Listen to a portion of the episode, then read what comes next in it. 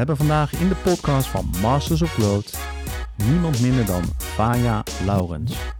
Ook is Felicia weer aangeschoven van het ondernemerspodium waar we samen de podcast mee doen. Ik wil onze sponsor bedanken, New Wings, jouw community die ondernemers helpt van de oprichting tot de verkoop van hun bedrijf. Nog een laatste vraag, hoop vragen vandaag. Als je het leuk vindt, zou je ons dan willen liken op Instagram of ons willen volgen? Dat zouden wij enorm waarderen. We zijn vandaag bij Paya Laurens, actrice, model en ondernemer. Nou, En ik ben geen actrice meer hoor. Spirituele coach, wat, wat voel je het meest? Nou, geen actrice in ieder geval. Het is wel grappig. Ik ben er natuurlijk twintig jaar geleden mee begonnen. Maar ja, dat doe ik gewoon helemaal niet meer. Dus dat voel ik me zeker niet. Ja, wat ik me het meest voel, misschien wel de laatste tijd oma. Nee, trots oma. En eh onderneemster. Ja, ik ben echt vol, vol, vol aan het ondernemen. Ik zit er echt tot mijn nek in, zeg maar. Ja. Ja. Dus En hoe dat- bedoel je dat tot je nek erin, dat je gewoon eh, Ja, dat je- echt dat- volle, volle bak erop? Ja, dat, je, dat, dat, ik, dat ik denk, ja, Fa, je bent dit bedrijf begonnen, nu moet je het gaan doen ook. En het was eerst nog een beetje een soort van dat ik probeerde te ontkennen dat ik een heel groot bedrijf aan het bouwen was. Maar nu merk ik toch gewoon wat erbij komt kijken als je er vol voor gaat. Eh, wel heel leuk, maar brengt ook stress en spanning mee. Want ik dacht vanochtend echt, we staan nu toevallig op de huishoudbeurs. Eh, toen ik opstond, oh, ik merk nu al niks meer van die vakantie van vorige week. ik, ben, nou, ik ben twee weken terug volgens mij. En toen dacht ik, nee Faye, je moet leven alsof je geen vakantie nodig hebt eigenlijk. Maar dat is soms een uitdaging ja. als je onderneemt. Omdat je toch je dingen ook mee naar huis neemt en mee naar bed neemt en in de ochtend weer mee wakker wordt, zeg maar, die er spelen. Ja, je hebt natuurlijk een heel team, hè? we hadden het net over. Nou, dat valt wel mee. Ja, dat valt wel mee. Maar op de beurs had je, heb je een, eh, Ja, nu hebben we dan... even eh, een team. Ik ja, kan me voorstellen dat dat natuurlijk ja, een paar dagen achterover liggen zou. Nee, dat niet. Ik wil er elke dag wel bij zijn. Ik ben ook soms de hele dagen op de beurs, maar niet alle dagen. Maar dan merk je dus als je er niet de hele dag bent, want gisteren was mijn oppasdag en die is heilig. Dus toen was ik wel even met mijn kleinkind gegaan en eh, daarna hem naar huis gebracht, want het was koopavond op de beurs. Toen heb ik de avond gedaan. En ik was er dus overdag maar een uurtje geweest. En dan hoorde ik dus dat zo'n meisje wat even nieuw was, want we huurden dat dan in, eh, dat hij verkeerde dingen zei eh, over ons product, zeg maar. Dat irriteert me dan heel erg. Maar dat zijn, is dat micromanagen. En dat moet je op een gegeven moment loslaten als je groot wil denken. Maar ja, daarom sprak ik mijn collega er wel net op aan. Want zij was er gisteren de hele dag. Denk ik, ja, het kan niet zo zijn dat jij er de hele dag bent geweest en dat niet hebt gezien. Dat zij dat verkeerd uitlegt. Dat heb ik meteen door. Dus hoezo heb jij dat niet door? Maar ja, dat, dat is als je eigen baas bent, zie je alles, zeg maar. En anderen zien het niet zoals jij het ziet. En dat is soms jammer. Ben je een controlfreak? Ja. Ja, ja, ik, ben- ik vind dat heel storend. Ja, ik ben wel een control freak. Maar ja, ik heb het ook gisteren losgelaten, want ik was er ook weer niet.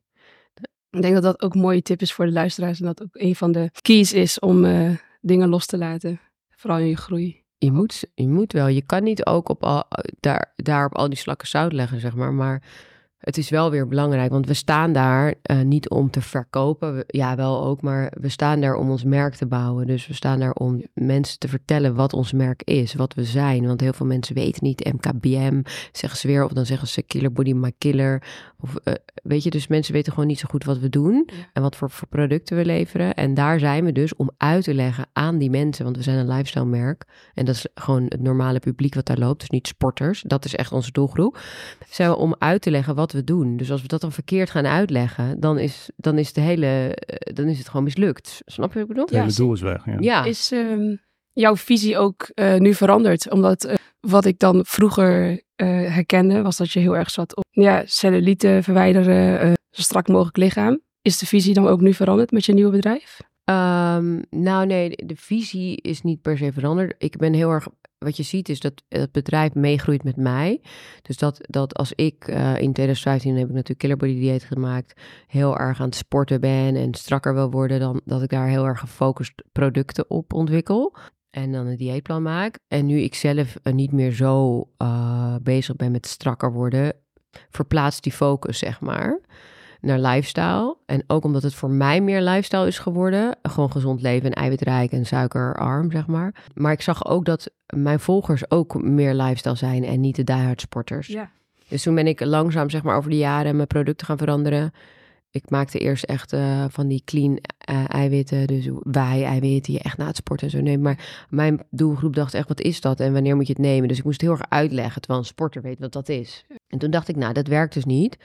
En omdat ik het zelf ook niet meer nam, dacht ik, ja, dan wordt het ook heel moeilijk om het te promoten. Dus toen ben ik er gewoon mee gestopt, omdat we zijn gestopt met koemelk. En toen heb ik er gewoon maaltijdvervangers van gemaakt. En dat, is, dat hoef je niet uit te leggen. Het is een maaltijdvervanger. Mensen weten wat het is. Dus je hoeft het niet uit te leggen. En dat is meer mijn doelgroep. Want mijn doelgroep is, zijn niet de die sporters, maar zijn wel vaak drukke moeders. Die het een beetje ja, moeilijk uh, hun tijd kunnen verdelen. Om niet altijd tijd hebben om te koken. Of zijn mensen die een kilootje minder willen. Maar niet te veel daarvoor willen doen. Of willen uitzoeken hoe het allemaal werkt. En dan kan je, of je wil in balans gewoon, of net even een gezondere shake. Dus het is multi-inzetbaar. Zeg maar. Als je twee schepjes neemt, dan is de maaltijdvanger. En als je er één doet, is het een, is een gezond tussendoortje. Dus dat hoef je eigenlijk ook niet zo heel goed, heel erg uit te leggen. En dan merk je echt, oh ja, nu heb ik de match te pakken tussen mij, wat ik, waar ik voor sta. Zoals bijvoorbeeld gisteren op de beurs heb ik hem ook genomen. Dan denk ik, ja, ik kan hier eventjes nu een broodje gaan halen. Of een broodje kroket of iets anders ongezond. Of ik neem gewoon even mijn eigen shake, weet je wel. Voor dat soort momenten als je je eten niet bij je hebt.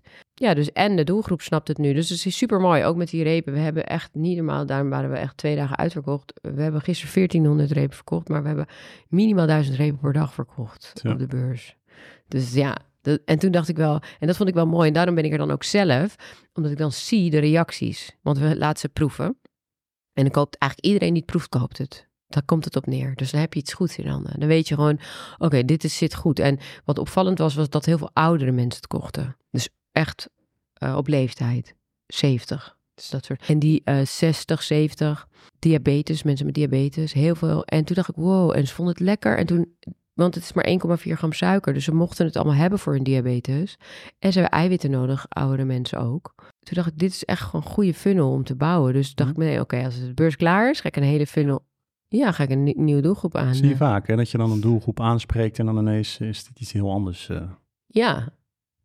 Dus ja, en dat ze het ook lekker vonden, vond ik grappig. Ja, ze vonden het echt lekker. Dus toen dacht ik, nou, dan, dan ga ik gewoon... Dan moet je een hele advertentiestrategie op gaan verzinnen. Want dan moet je andere advertenties laten zien aan dat soort mensen. En waar, ze, en waar kijken die? Hè? Die zitten meer op Facebook dan op TikTok bijvoorbeeld. Daar zitten geen oude mensen. Of op uh, Insta denk ik ook minder. Die zitten misschien nog naar de radio te luisteren of naar de televisie. De krant. De krant. Dus ja, moet je op een andere manier moet je die benaderen.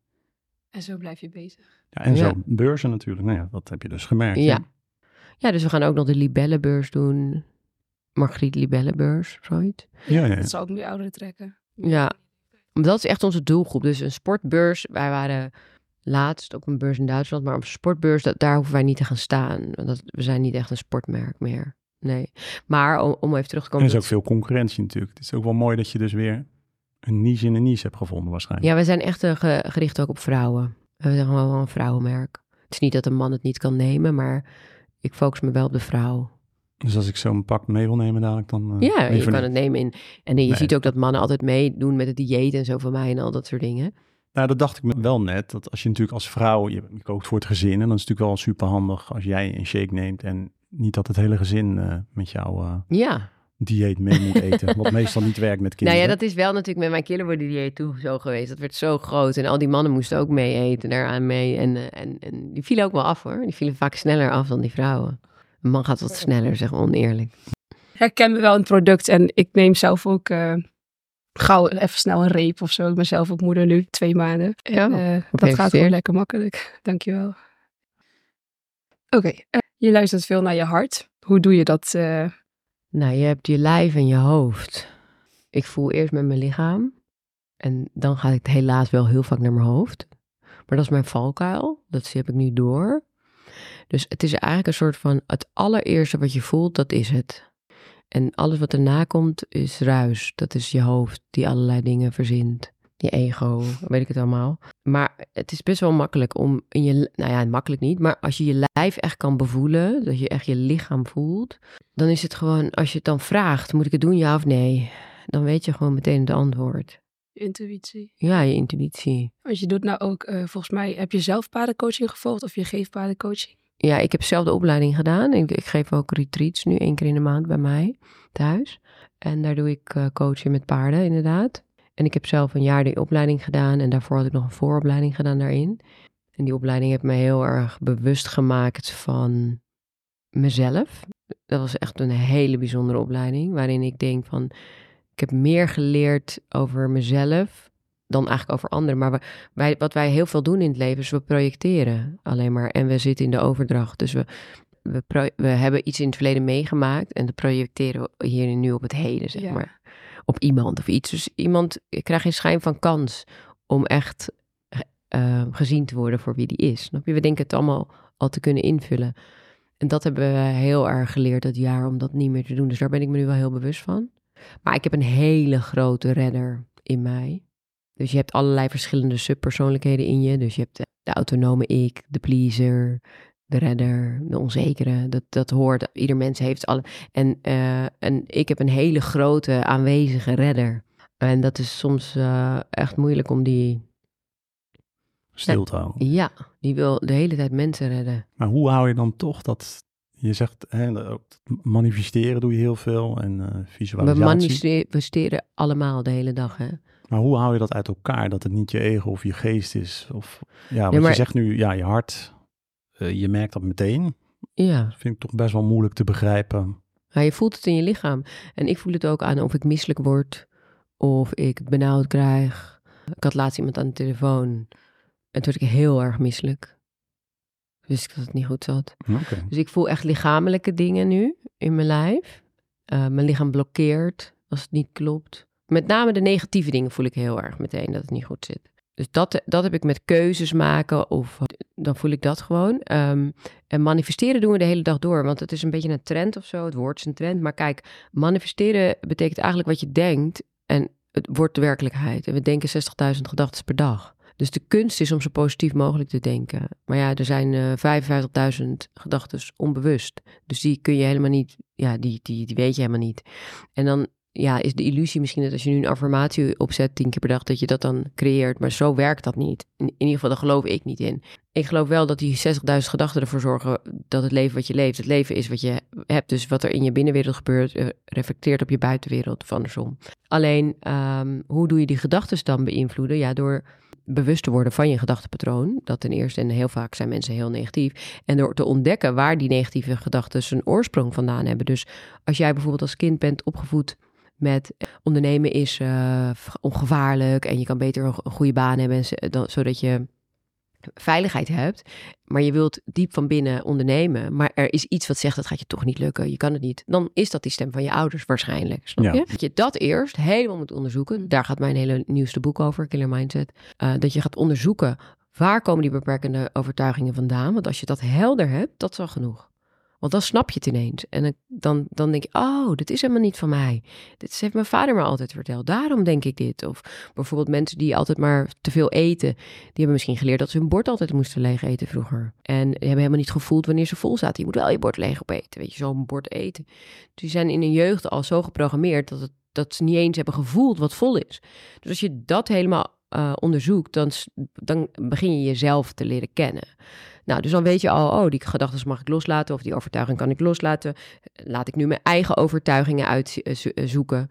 Want vaak nemen we de overtuiging van onze ouders eh, over. We, we praten letterlijk onze ouders na. Maar we hebben nooit gezeten van, oké, nu ga ik zitten en nou ga ik eens even kijken, waar geloof ik in? Even los van mijn ouders. Wat zijn mijn overtuigingen eigenlijk? Weet je wel, wat zijn mijn kernwaarden? En als je dat dan gaat doen, dus dan heb je eerst ontdekt, wat is nou van jou, wat is van je ouders? Nou, dit, ik had heel erg, dit wil ik houden en dit niet. Nou, en dan dit en dit en dit zijn mijn eigen overtuigingen. Oké.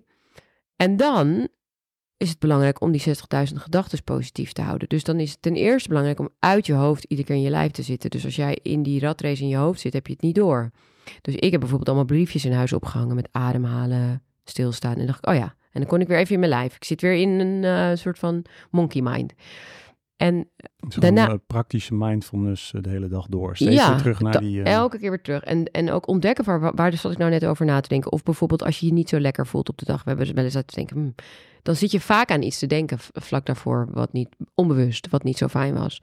Of je hebt een mailtje binnengekregen of iets. En we staan er niet bij stil wat het heeft veroorzaakt dat we ons daarvoor niet lekker hebben gevoeld. En als je daar nou wel bij stil gaat staan. Dat je denkt, oh waarom zit ik nou net niet lekker in mijn vel. In plaats van weer iets in je mond stoppen. Of weet ik veel, likes bekijken op Ja. Instagram.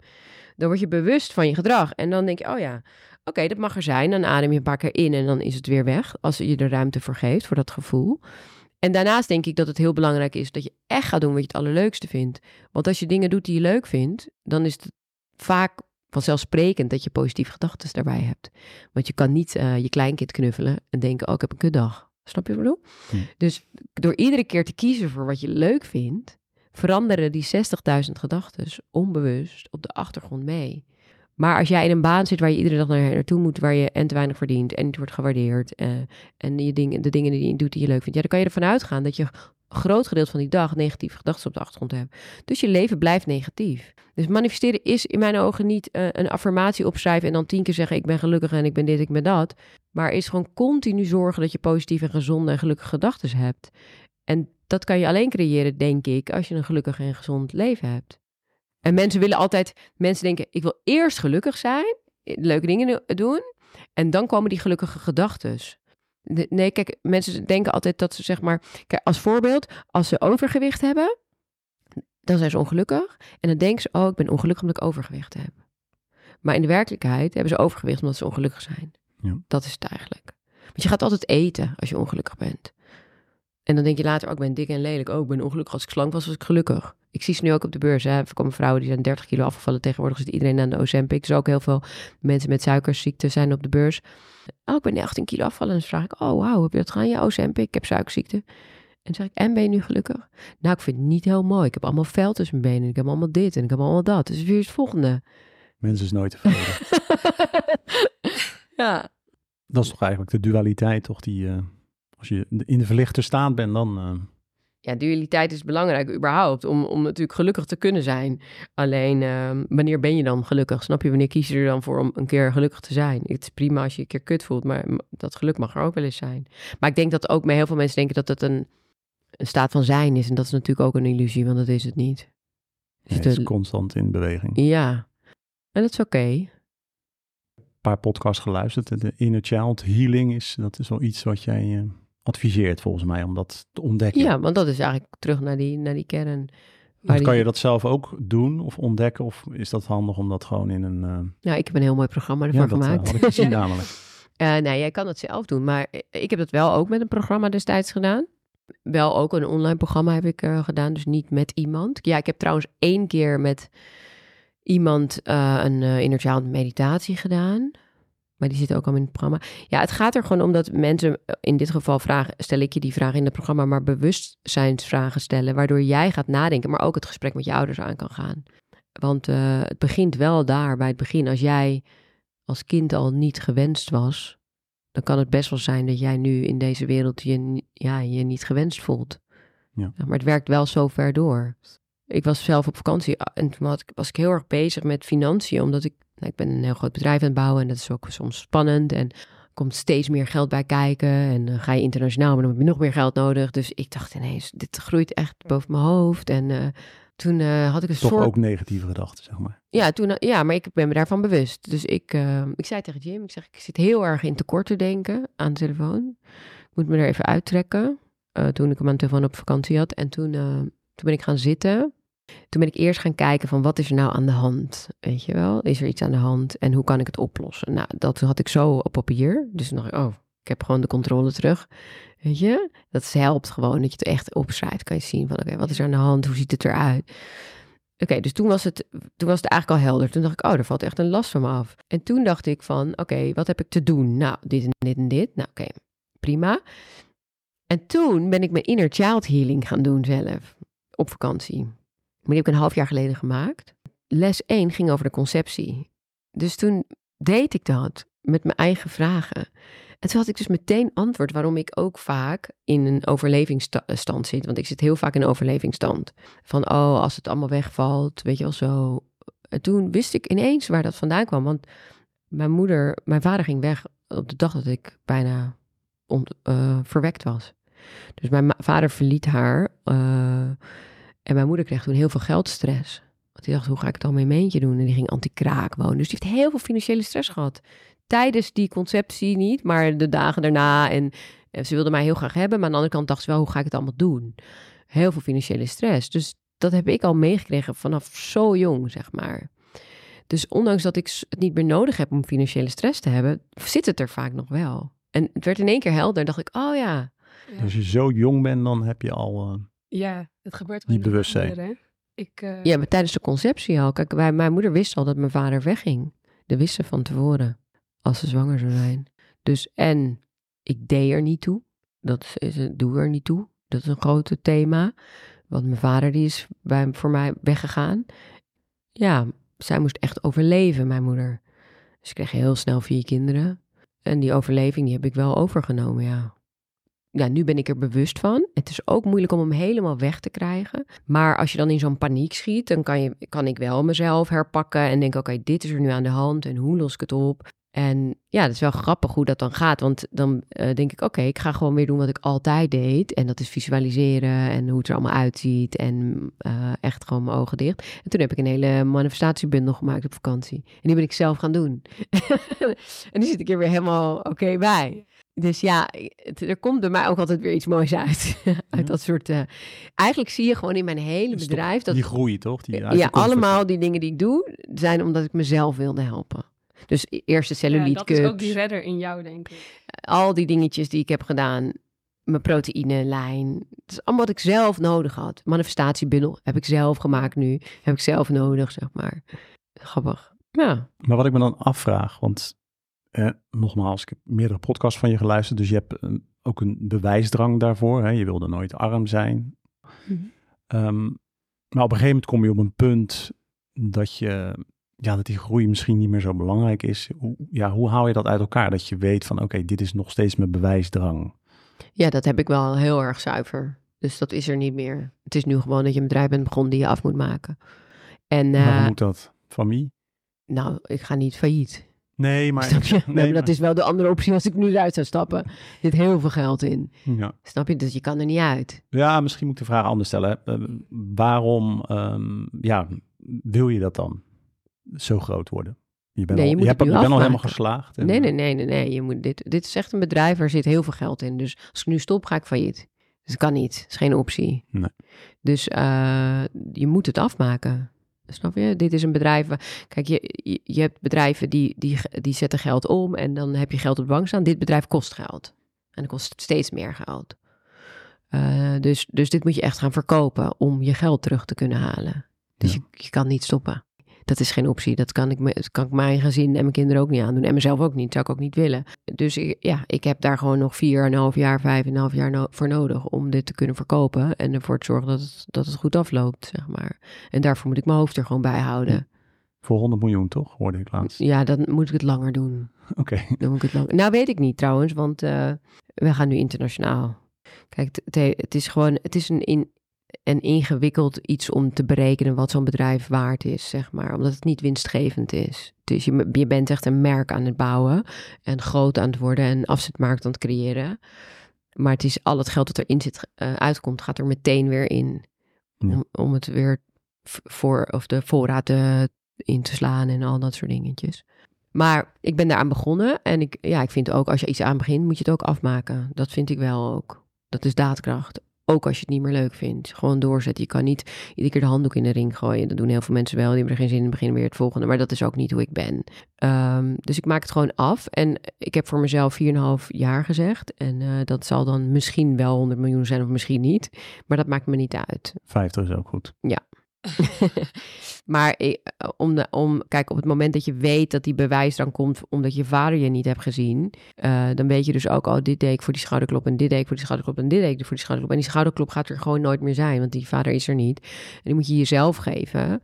En daardoor, eh, nu, alles wat ik doe is, is zuiver. Dus nu doe ik het omdat voor ik, jezelf. Oh, wat zeg je? Voor jezelf doe je het ook, ja. Ja, voor het bedrijf. Ik heb het, ik heb het bedrijf, ben ik ook iets ver- verschuldigd. Dus ook energie. Dit is, ja, ik geloof ook in de ziel van een bedrijf. Ik heb net nog een hele familieopstelling gedaan met mijn bedrijven. En de een was boos en de ander was dit en de ander was dat. Dus er kwam heel veel uit wat, het, wat de bedrijven ook niet leuk vonden. Dus ik geloof daar heel erg in. Dus ja, ik, heb, ik ben ook het bedrijf wat verplicht. Oh ja. Ja, dus Je Ja. zegt je bent het bedrijf wat verplicht. eh, want volgens mij ben je nou gaan afschalen met personeel. Hoeveel, eh, wie zit er dan in jouw bedrijf? Nou ja, dat is, was uit nood. Dus dat was niet eh, omdat dat moest, leuk was. of zo. Dat was, de, dat was een samenloop van omstandigheden met mensen in burn-out en ziek en zwanger en dat allemaal. Dus uh, we gaan nu weer opschalen. We, zouden, we moeten wel opschalen, want het is niet vol te houden. Voor ons niet. Voor mijn gym niet. Maar Romy, die er net was, is nieuw bij.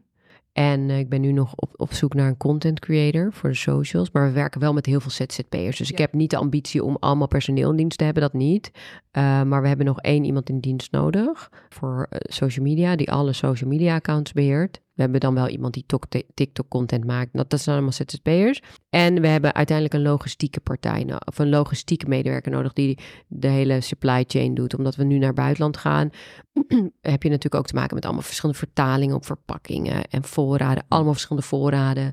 Ja, dat moet echt, dat doen wij nu zelf. Uh, maar daar maken we ook wel eens foutjes in. Daarom hadden we, konden we laatst onze reep niet uitleveren. Ja, ja omdat we kunnen niet alles, zeg maar, tegelijk. Dus uh, als we zo groot nu worden, dan hebben we wel iemand, denk ik, nog drie dagen in de week nodig die heel die voorraadbeheer gaat doen. Dus dan zijn we met z'n vieren uh, in dienst. Toch? 1, 2, 3 zijn we nu en dan hebben we nog twee bij nodig. Hoeveel uur werk je per dag? Um, als je het als werk ziet natuurlijk. Waarschijnlijk Nou, ik, ik, werk, ik werk altijd 's ochtends even een uurtje in bed. Doe ik al mijn mail en dat soort dingetjes. En dan ga ik echt uh, mijn eigen ding doen. Dus trainen, mijn paarden en dat soort dingen. Ik denk dat ik zeven uurtjes werk of zo. En op de donderdag dan niet, als mijn kleinkind er is. Dan kan je het dan makkelijk loslaten. Ja, op donderdag wel. Ja, nu met de beurs wat minder. Maar normaal wel hoor, ja. ja. Ik kan sowieso wel makkelijker loslaten, heb ik wel geleerd. Want ik open gewoon mijn mails niet. Ja. En ik heb uh, echt 300 uh, ongeopende, als het niet 600 zijn, uh, appgesprekken. Over een uur. ik open 660. Nee, want ik werd, dan word je helemaal geleefd. Vroeger zat ik met die telefoon in de vangrail. Dag. Dat doe ik niet meer. Nee. Dat is mooi dat je zo kan kiezen voor jezelf. Ja, je moet wel op een gegeven moment. En ik doe ook wel veel dingen hoor. Dus bijvoorbeeld de paarden. Ik ben vanochtend echt... Het was niet heel leuk, want het was echt modderig. Ja. Ik was helemaal vies. Maar um, ben ik anderhalf uur bezig geweest bij de paarden. En ik ga naar de sauna heel vaak. Alleen. Ik ben veel alleen. Ik ben ook... Ik laat ook op alleen. Dus ik ben heb je niet misschien echt... ook nodig om, om die groei... eh, Ja, ik kan niet... om- Ik ben niet zo houden, sociaal. zeg maar. Nou, ik ben wel sociaal, maar ik merk gewoon dat ik ook na zo'n beurs, ik eh, kan echt niks meer horen om me heen, weet je wel. Dan wil ik gewoon echt alleen zijn. ja, ik, ben, ik word steeds meer een Einzelganger. Dus zit ik daar dan met de honden en dan word ik echt zo'n oude vrijster op de bank met de, met de honden. Glas rode wijn en dan eh, klassieke muziek op. En dan zit ik zo naar mezelf te kijken en dan denk ik, jeetje fijn. Vroeger was het echt van het ene feestje naar het andere. Ja, ik moet er echt niet aan denken. Ik lig gewoon elke dag om tien uur in bed. Herkenbaar. Ja, Maar daar ben je gewoon content mee. ja, ja. ja. Ja. Ja, nou, je bent eh afgelopen jaren sowieso veel bezig met eh, je mindset. Je onderzoekt veel. Dat blijft volgens mij eh, je hele leven ook wel doorgaan. Je hebt nou ook een podcast met je moeder. Ja, als kind. Je bent zelf wel ondernemend. Ehm, je moeder leerde je ook manifesteren. Zij is daar nu volgens mij wat minder eh, mee bezig. Maar hoe kwam het dan dat jij eh, ja, zo geloofde in het ondernemen, zeg maar? Nou, je bent 50% je moeder en 50% je vader natuurlijk. En mijn vader was een ondernemer. Uh, en hij had heel veel temperament. Ik geloof wel dat ik het met temperament van mijn vader heb, niet van mijn moeder. En uh, daarnaast eh, ja, heeft het leven mij zo gevormd. Dus, dus die, door die vader die er eigenlijk ook niet was, waar ik heel graag door erkend wilde worden, daar ging ik nog meer mijn best doen. En ja, mijn hele bedrijf is daar eigenlijk op gebouwd, zeg maar. Maar daarnaast uh, wist ik ook al wel als heel jong meisje een paar dingen heel zuiver en duidelijk dat ik niet afhankelijk wilde worden van een man. Want dat zag ik bij mijn moeder natuurlijk steeds gebeuren. En dan zag ik ook haar verdriet. En uh, ik wilde rijk worden gewoon. En ik denk wel dat ik rijk wilde worden omdat ik niet arm wilde zijn. Dat heb ik later dan geanalyseerd, omdat ik dus die armoede zo verschrikkelijk vond.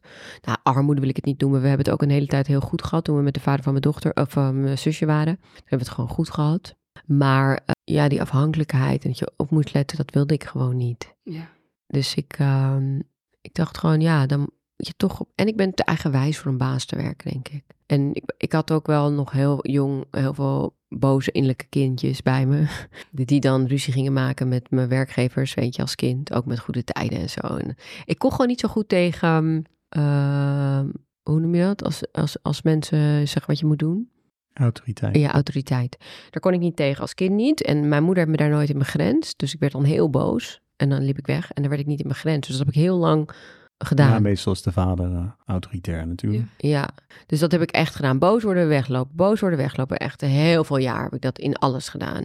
Tot ik dacht, hè, dat is echt een patroon. Waarom doe ik dit? Ik maak me dan boos en dan, dan belde ik je ook gewoon nooit meer op, weet je wel. Dus ja, ik wilde dus gewoon ondernemen omdat ik niet arm wilde zijn. En ik was te eigenwijs om voor een baas te werken. En dan krijg je dit. Maar ja, dan krijg je wel een mooi boek. In 12 stappen naar de beste versie van jezelf. Ja, eigenlijk moet daarop staan de echte versie van jezelf. Ehm, ik denk dat echt het allerbeste is. Maar wat is echt? Dat is de vraag. Ik denk als je authentieke zelf bent. Ja, maar vaak denken we dat we dat zijn en zijn we dat nog niet eens. Snap je wat ik bedoel? Als ik dan zie wat ik het afgelopen jaar met die opleiding weer heb afgepeld van mezelf, waarvan ik dacht dat het mijn authentieke zelf was en het niet bleek te zijn. Wow, dit is echt bizar. Je denkt dat je denkt dat je weet wie je bent, maar dat ben je dan toch niet. Iedere zeven jaar verander je ook als mens, hè? Ook je cellen. Dus eh, je blijft ontwikkelen. Ja, maar dat is wel van dicht bij je hart, weet je wel. Als je, kijk, ik vraag mezelf af, wil ik dit omdat ik iemand terug wil pakken of wil ik dit echt zeggen? Wil ik dit doen omdat ik gezien wil worden of wil ik dit doen omdat het goed is? En als je dat soort vragen aan jezelf stelt, weet je, eh, dan eh, blijft er vaak heel weinig over wat je nog doet. Ja, Ga je steeds minder doen. ja, niks meer. nee. Nou, dat is misschien ook wel, eh, dat is ook een vraag die ik had. Als je op een gegeven moment veel mediteert en eh, mindfulness bent, dan komt er ook steeds minder uit je handen. Merk je dat ook of geen last van? Nou, met, met Je, na... je haalt het vuur een beetje uit jezelf. Ja, met name meer van als je dus jezelf die kritische vragen stelt. Waarom wil ik dit echt? Wat zit er echt onder? Wat is mijn agenda? En dan je merkt dat er allemaal dubbele agenda's onder liggen. Dat je het dan niet meer doet. Dan komt er inderdaad steeds minder uit je handen. En ja, ik was, ik was dus aan het roepen dat ik dit ook allemaal niet meer wilde. Zo'n groot bedrijf. En dus ik was eigenlijk alweer bezig met wat ik daarna wilde doen. Helemaal met retreats en zo. Want ik dacht, dit, is, eh, dit was omdat mijn vader me niet zag. En dat weet ik nu. En, eh, en daar deed ik dit wel, mijn bedrijf wel echt tekort mee. En dat merkte ik ook meteen, want het ging ook meteen minder goed. Want mijn hele aandacht en mijn focus was er niet meer bij. En eh, mijn vertrouwen niet. En, en toen, toen heb ik die, ook die opstelling gedaan. En toen kwam er echt heel veel uit, weet je. En ook dat dit bedrijf gewoon beledigd was. Dat ik er zo, dat hij altijd op de laatste plaats kwam, weet je wel. Ik verzon altijd weer wat anders. En toen heb ik toen wel echt, toen kon ik echt goed zien wat ik nou, wat mijn patroon was en wat ik deed. En toen dacht ik, ja, Va, je bent dit, oké, je bent dit ook begonnen om gezien te willen worden. Maar je bent het ook uit je passie begonnen. Die twee dingen kunnen ook naast elkaar staan.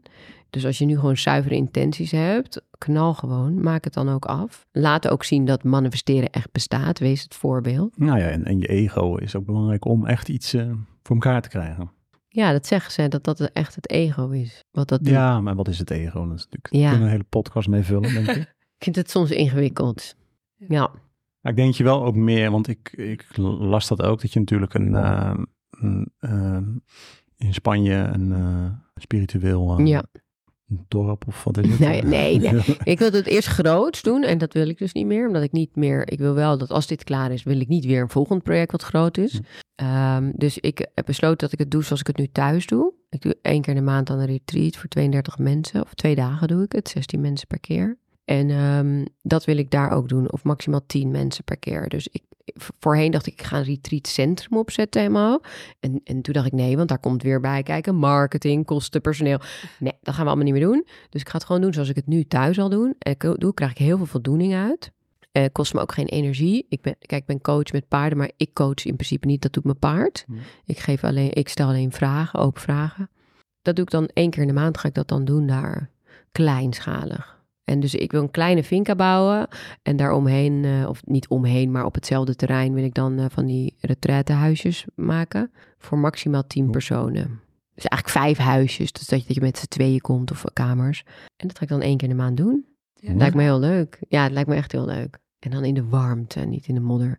Ik, als je mij vanochtend had gezien met mijn laarzen en mijn kruiwagen door de modder... en dan bleef ik hangen met mijn laarzen, weet je wel, in de modder. Dat je die kruiwagen er niet doorheen krijgt en dat ik bijna viel. En, Toen dacht je bij jezelf snel, eh, oh my god. beginnen. En ook mijn paarden, weet je, die, die, ja, die staan dag en nacht buiten. Die hebben wel een schuilstal, maar die zijn helemaal vies. En daar zijn ze dan helemaal glanzend en mooi en schoon. En ik dacht vanochtend, jullie zullen ook wel heel graag willen naar Spanje. Heel graag naar Spanje willen. ja. Eh, je wilt met Killer Mindset over de hele wereld. Kan je wat vertellen over je boek? Nou, ik hoef dus niet over de hele wereld hoor, met Killer Mindset. Dat was met Killer Body Dieet wel. Dus het is ook best wel gelukt. We zijn in uh, de hele Commonwealth uitgekomen uh, met Killer Body Dieet. Maar met Killer Mindset wil ik graag ja, wel weer mensen redden. Mijn reddersyndroom in een boek. Um, nou ja, bewust maken van mensen hun patroon. Wat, wat een beetje mijn methodiek is, is dat ik over mijn eigen leven vertel. Dat doe ik ook in mijn Killer Dieet. Ik denk dat dat mijn kracht is. Uh, waardoor mensen uh, ja, zich kunnen identificeren ermee of dingen herkennen. Dus ik vertel niet hoe jij het moet doen. Ik vertel gewoon hoe ik het heb gedaan en wat me opviel of hoe ik dingen heb geleerd. En daarnaast heb ik dan nu natuurlijk wel verschillende coachingopleidingen gedaan. Dus heb ik daar ook wel wat van in het boek gezet, vooral NLP-technieken. Maar wat dit, mijn doel is, is dat mensen bewuster worden. Dus bewust van hun eetpatroon. Want het, de reden dat ik dit boek heb gemaakt, is omdat Killer Dieet zo'n succes was. 300.000 boeken van verkocht. En heel veel mensen vielen terug in hun oude patroon. Eigenlijk de meeste mensen. Of ze begonnen niet, maar klaagden wel. Dus je hebt een hele grote groep mensen die klaagt over hun leven. Je hoeft het niet per se op een dieet uh, te zien, maar over alles in hun leven. En doet eigenlijk niks. En dan heb je een, een groep die begint aan iets en die geeft op. En dan heb je een groep die maakt het helemaal af en die valt weer helemaal terug, zeg maar. En heb je een heel klein groepje die echt, echt een lifestyle wist te maken ervan. Die echt dacht van waarom doe ik wat ik doe? Waar, wat ligt daaronder, weet je wel? Waarom heb ik die beperkende overtuigingen ah, waar we het net over hadden? En dat is de kleinste groep eigenlijk, die het daadwerkelijk hun leven weet te veranderen. Die echt durft te zeggen, ik stop nu met die baan, maar ik kies nu voor mezelf. Of ik ga nu bij mijn man weg, want ik ben ongelukkig en kies voor mezelf. Weet je, of ik ben klaar met het overvreten en ik ga nu echt gezond worden. Um, en voor, voor die, die 1, 2, 3 groepen die dat allemaal dus niet lukte, lukte, daarvoor heb ik dit. En ik hoop gewoon dat mensen hierdoor begrijpen waarom ze doen wat ze doen. En dan het, de tools krijgen eigenlijk om het te veranderen. Want ik geloof wel in de potentie van ons mens.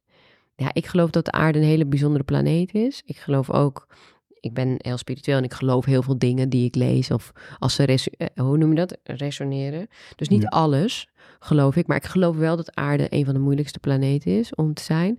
En uh, met name omdat we niet weten wie we zijn. Omdat we zijn vergeten wie we zijn, maar we zijn zoveel meer dan dit lichaam. En we hebben zoveel potentie. En we zijn hier zo geprogrammeerd dat we denken dat we niks kunnen. Het begint al op school wanneer de juf aan je vraagt: wat wil je laten worden? Ja, ik dacht dat ik al iets was. Dus daar word je al verteld dat je nog niks bent. Terwijl het feit dat je hier bent, je bent zo groot dat je hier bent. En uh, het is zo'n groot thema uh, van iedereen. Dat ze er niet toe doen of er niet bij horen. Zichzelf niet goed genoeg uh, voelen. En dat vind ik zonde. Ja. Want ja, we hebben gewoon heel veel potentie. Dus ja, ik hoop dat het een heel groot succes wordt, het boek. Zodat mensen een heel groot succes maken van zichzelf. ja, dat is eigenlijk mijn, mijn droom. Toch wel verandering brengen.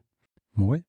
Hey, heb jij misschien wat tips voor onze luisterende ondernemers? Wat is nou echt een tip? Laten we de drie pakken. Dat je zegt van volg hm. dit en dan. Uh... Uh, nou ja, weet je wat het is? Als je wilt ondernemen, is het vooral belangrijk dat je zeker bent van je, van je zaak. Dus dat je echt weet wat je wilt. Heel veel mensen laten zich uh, beïnvloeden door de meningen van anderen. En dan zeg ik eigenlijk altijd: dan betekent het eigenlijk dat je nog niet zo goed wist wat je wilde. Want als je echt weet wat je wil, laat je je niet meer beïnvloeden.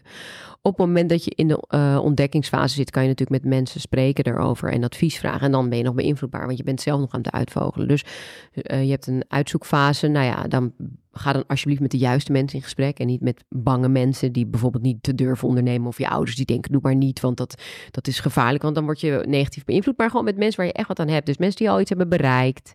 Misschien iemand die een keer failliet is gegaan en hoe die er naar kijkt. Weet je, gewoon mensen waar je echt iets aan hebt. En uh, op het moment dat je echt zeker van je zaak bent, ga er dan ook voor. En wat ik dus nou ook zei net, maak het af. Want er komen altijd momenten dat het minder leuk is. Er komen altijd momenten dat je minder zult verdienen. Maar dat heb ik ook natuurlijk gehad twee jaar geleden, hadden we twee ton verlies. Uh, en dat vond ik heel zwaar. Maar uiteindelijk komt er altijd weer een zon. Ja, een ja. up. Het kan niet alleen maar naar beneden gaan, zeg maar. Dus uh, die zon gaat altijd weer schijnen. En dan denk je, yes, we, zijn er, we hebben het gehad. Nou, als je ouder wordt, dan merk je dat. Dat is net zoals met corona. Nou, dat gaat nooit meer weg. En uh, nou ja. ja. Het is weg. Corona, wat, wat is het in? Wat ja. was dat ook alweer? Ja. ja, dus maak het gewoon af en helemaal als het moeilijk wordt. Geef absoluut niet op als het moeilijk wordt. Um, en tip drie. Je zit dan in die comfortzone, daar wil je dan in van ja, ik stop ermee, want uh, ja. het is toch niks voor mij. En, ja. en hoe, ja, hoe Dat- dat doe je dat echt praktisch? Als je, als je dat stemmetje in je hoofd krijgt van... Nou, dat stemmetje moet je ontdekken welke stem dat is. Dus dat is die voice dialogue weer, die verschillende stemmen. Dus dat is de stem waarschijnlijk die korte termijn denkt. Die wil dat jij je nu op dit moment goed voelt. Dus ze hebben altijd een goede intentie, die stemmen. En dat is de stem die denkt, oké, als je nu stopt, voel je je nu goed. Maar hoe voel je je op de lange termijn dan? Dus je moet echt die, die stem die tegen jou begint te praten, moet je gaan uithoren. Want jij bent niet die stem, hè? Jij bent de waarnemer van die stem. Dus als jij denkt dat je die stem bent, dan gaat het mis. Maar als jij die stem kan horen en kan vragen: Oké, maar waarom vind jij nu dat ik moet stoppen? Want wat zijn de voordelen daar dan van? En laat dan maar het antwoord komen.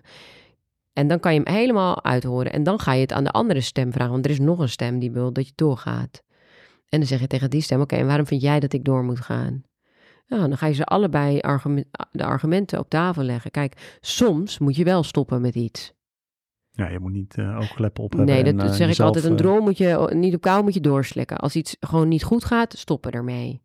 Weet je, huppa. Dat, dat, dat, ik met die twee ton verlies had allemaal kleren ingekocht. En ik dacht, ik ga een kledingmerk beginnen. Nou, gewoon stoppen ermee. Het werkt niet. Het is moeilijk. Je, het is niet jouw business. Het is ook niet je ding.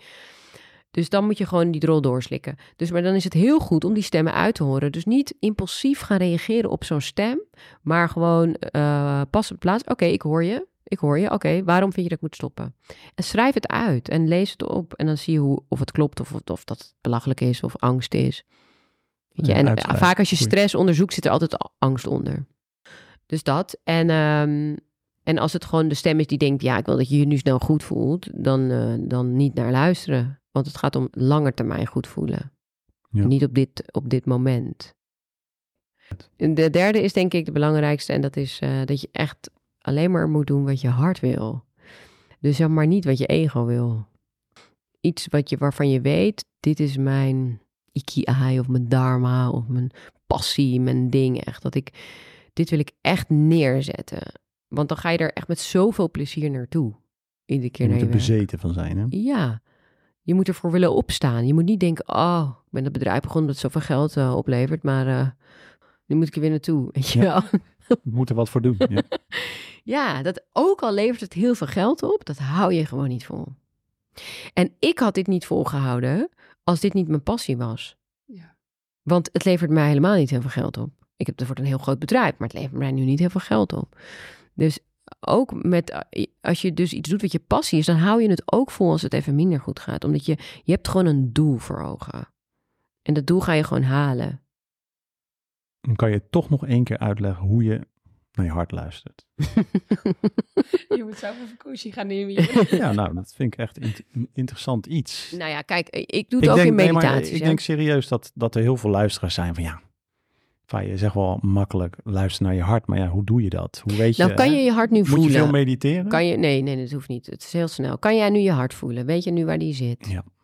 Nou, kan je daar je aandacht naartoe brengen? Ja. En dan neem een, neem een, ehm, een dilemma in je hoofd. Heb je iets in je hoofd, een dilemma, waar je van denkt, ja, moet Ja. ik het wel doen, waar je heel veel over piekert, eh, dat je niet zeker weet of je het moet doen? Ja? Ja. Nou, doe je ogen even dicht. En dan zak je vanuit je hoofd nu in je hart. En stel jezelf de vraag, moet ik dit doen, ja of nee? Ja, gelukt. Kreeg je het antwoord? Nee, niet echt. Krijg je niet ja of zo of nee? Ja, ik, ik doe heel veel mediteren. Dus ik, ik, ik ervaar wel eh, wat jij zegt. Maar het was ook meer voor de luisteraars van... Hoe, Het is gewoon die eerste ja of die eerste nee. En weet je, we weten het heel goed, want we drukken dat stemmetje weg. We, we willen vaak iets, maar we weten dat ons hart het niet wil. En dan komen er stemmetjes die dus gaan zeggen, moet je dit wel doen, dingen. Je herkent die heel goed, dat stemmetje. Van de sabot je kan hem goed onderscheiden van de saboterende stem. Die wil dat je gewoon gemak hebt en zo. Hij komt hier echt wel waarschuwen. Maar ik denk dat het ook wel heel erg goed is om eh, eh, in je lijf te zijn. Dus heel veel oefeningen te doen. In de, in de natuur ben ik, ik ben heel van de natuur, ik ben heel veel buiten. eh, te mediteren, maar en als je nog niet kan mediteren, dan doe je van die lichaamsgerichte oefeningen. Hè, van voel je voeten, voel je nou, wat tenen. ik zelf een goede tip vind is... eh, pak een koude douche. Want dan gaat je hoofd die gaat op hol van... Nee, dat moet je niet doen. Je bent een beetje grieperig. Dadelijk krijg je een hartaanval. en dan ga je ineens merken van... Oh ja, dit is echt mijn hoofd die Ja. vol eh, in de tegenstand gaat. Ja, Dus een eh, power meditatie. maar ook gewoon bijvoorbeeld als kind deed ik dit dan. Hè?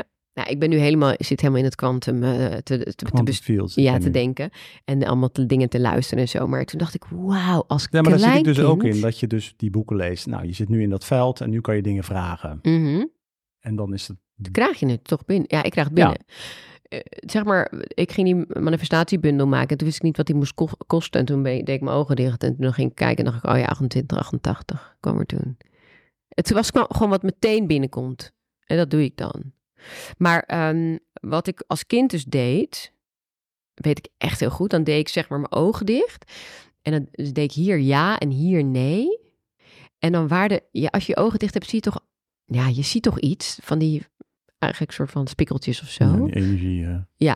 En waar dan het meeste, of soms is het een kleur, nu is het bij mij rood, naartoe ging, naar de ja of de nee, dat was het dan. Dat deed ik als kind. Zag je dan rood en groen of niet? Of nee, dat niet. Maar ik zie wel kleuren. Maar waar dan die energie het meest naartoe ging. En dat deed ik echt als heel klein meisje in mijn kamer. En wat ik dus ook Maar deed. dat, is- dat is nou een goede praktische tip. Ja, maar dat, dat is wel heel lang. Dan denk je er ook nog wel lang over na. Het is gewoon vaak die eerste ding die binnenkomt. Maar ik heb in de Meditation Moments app van Michael Pilagic... heb ik ook een hartmeditatie ingesproken. Ik weet niet, heel veel mensen hebben die app. Dus als je die luistert, dan kan je ook wat meer in contact komen met je hart. Je moet hem echt voelen. En ja, dat hij er is. En mee in connectie zijn. Uit dat hoofd, in dat lijf gewoon. En daar hoef je niet, mediteren is voor sommige mensen ver van hun bedshow, maar dan noem ik het gewoon intuïtie. Want je hart heeft alle antwoorden al. Dat hoofd niet hoor. Dat zijn allemaal filters en programmeringen en... ja. ja, ja. Ja, niet luisteren naar dat hoofd. Soms wel als je Ja, het moet ja. uitrekenen, maar... Het is best wel moeilijk ook om aan mensen dat uit te leggen als je, als je dus veel mediteert. Van ja, je, je bent getuige van je gedachten. Als je begint met mediteren, denk je van ja, ik ben toch mijn gedachten. Of je bent niet je lichaam. Ja, Daar kan ik ook eh, vrij lang eh, over nadenken. over dat je niet En- je lichaam bent? Ja. Nee, Dus maar je- je... je, dat hoor je toch vaak, je bent niet je lichaam. Dan- Ja. Daar ben ik nog niet over uit, wat, eh, wat ik daarmee moet. Geloof je in leven na de dood? Ehm, weet ik niet. Ik weet het niet. Ja, oké. Kijk, eh, energie, geloof je daar wel in? Jazeker. Oké. Eh, energie kan niet vernietigd worden. Dat is wetenschappelijk. Het kan wel van vorm veranderen. En eh, Ja, het is meer wat ik bedoel met eh, je bent niet je lichaam, dat je, hè, dat wordt dan gezegd. En ik voel wel, je, als je, je voelt gewoon van oké, dit is het, dit is het, eh, quantum field of whatever. Ik ben nu uit mijn dualiteit, gewoon heel diep. Maar vaak komt die stem weer van ja, je bent niet je lichaam. Hoe zit dat? maar waarom wil je het weten? Ik denk er wel over na als je boeken leest, dat je denkt van ja, hoe zit dat? Je bent meer dan dat lijf, maar je hebt wel het lichaam en je moet er ook goed voor zorgen, want je hebt het nodig om hier te kunnen zijn op de aarde. Dus eh, ik verdrink daar niet helemaal in in dat soort eh, verhalen, want ik denk bij mezelf juist, we moeten ons lichaam omarmen en liefhebben en niet afkraken. Heel veel mensen kraken hun lichaam af. Nou ja, eh, je hebt dat mooie experiment met dat water, hè, van die Japanse professor die I hate you op die waterbuisje schreef en I love you. En de I hate you, dat, be- dat bedorf gewoon het water. Nou, wij be- bestaan 70% uit water. En wij zeggen ook allemaal hele lelijke dingen tegen ons lijf. En dan vinden we het later raar dat we ziek zijn. Ja. En dat soort dingen, ja, daar, daar, je bent misschien niet je lichaam, maar je hebt wel een lichaam. En je hebt er goed voor te zorgen en lief voor te zijn. En het sterk te houden, dat is wel heel belangrijk. Maar je bent wel meer dan dat. En die potentie, die hoop ik dat mensen gaan zien als ze mijn boek lezen. Dat ze meer zijn dan een lichaam. Want met een lichaam kun je bepaalde dingen doen. Weet je wel, maar met je kracht van visualisatie en je manifestatiekracht kun je veel meer doen. Wat ik ook denk trouwens, is dat we hier zijn op aarde om het leven hier op aarde te beleven. Want als het allemaal ging over wat er nog meer was, dan hadden we daar wel inzichten in gehad. En dat is vaak wat je ziet met die spiritualiteit en wat ik ook bij mijn moeder zie. Het, ze verdwijnen vaak in wat er nog meer is, terwijl we hier niet voor niets zijn. We zijn hier om hier het leven te beleven en niet om daar te zijn. Dus ik denk dat het, dat het hier moet zijn nu. Met Ja. het lichaam, het aardse leven. En natuurlijk mogen we wel wat connectie maken, maar we moeten het nog steeds hier doen. Mm, Ik wil wel graag meegeven aan alle luisteraars dat ik hoop dat je ziet wat je waard bent. En dat alleen jij jezelf die waarde kan geven. Dus verwacht niet dat een ander jou een leegtes opvult, jouw kracht geeft of jouw eh, liefde geeft. Geef het jezelf en geloof in jezelf en weet dat je het waard bent en weet dat je zoveel potentie in je hebt om eigenlijk alles te bereiken wat je wil. Als je het echt wilt. Vind ik een hele mooie afsluiter. Wat vind jij. Felicia? Nou, ik ben het daar helemaal mee eens. eh. Nou, dankjewel. Dankjewel. Graag wil ik onze sponsor bedanken, Newwings, jouw community die ondernemers helpt van de oprichting tot de verkoop van hun bedrijf. En vergeet niet onze Instagram te volgen of te liken of allebei.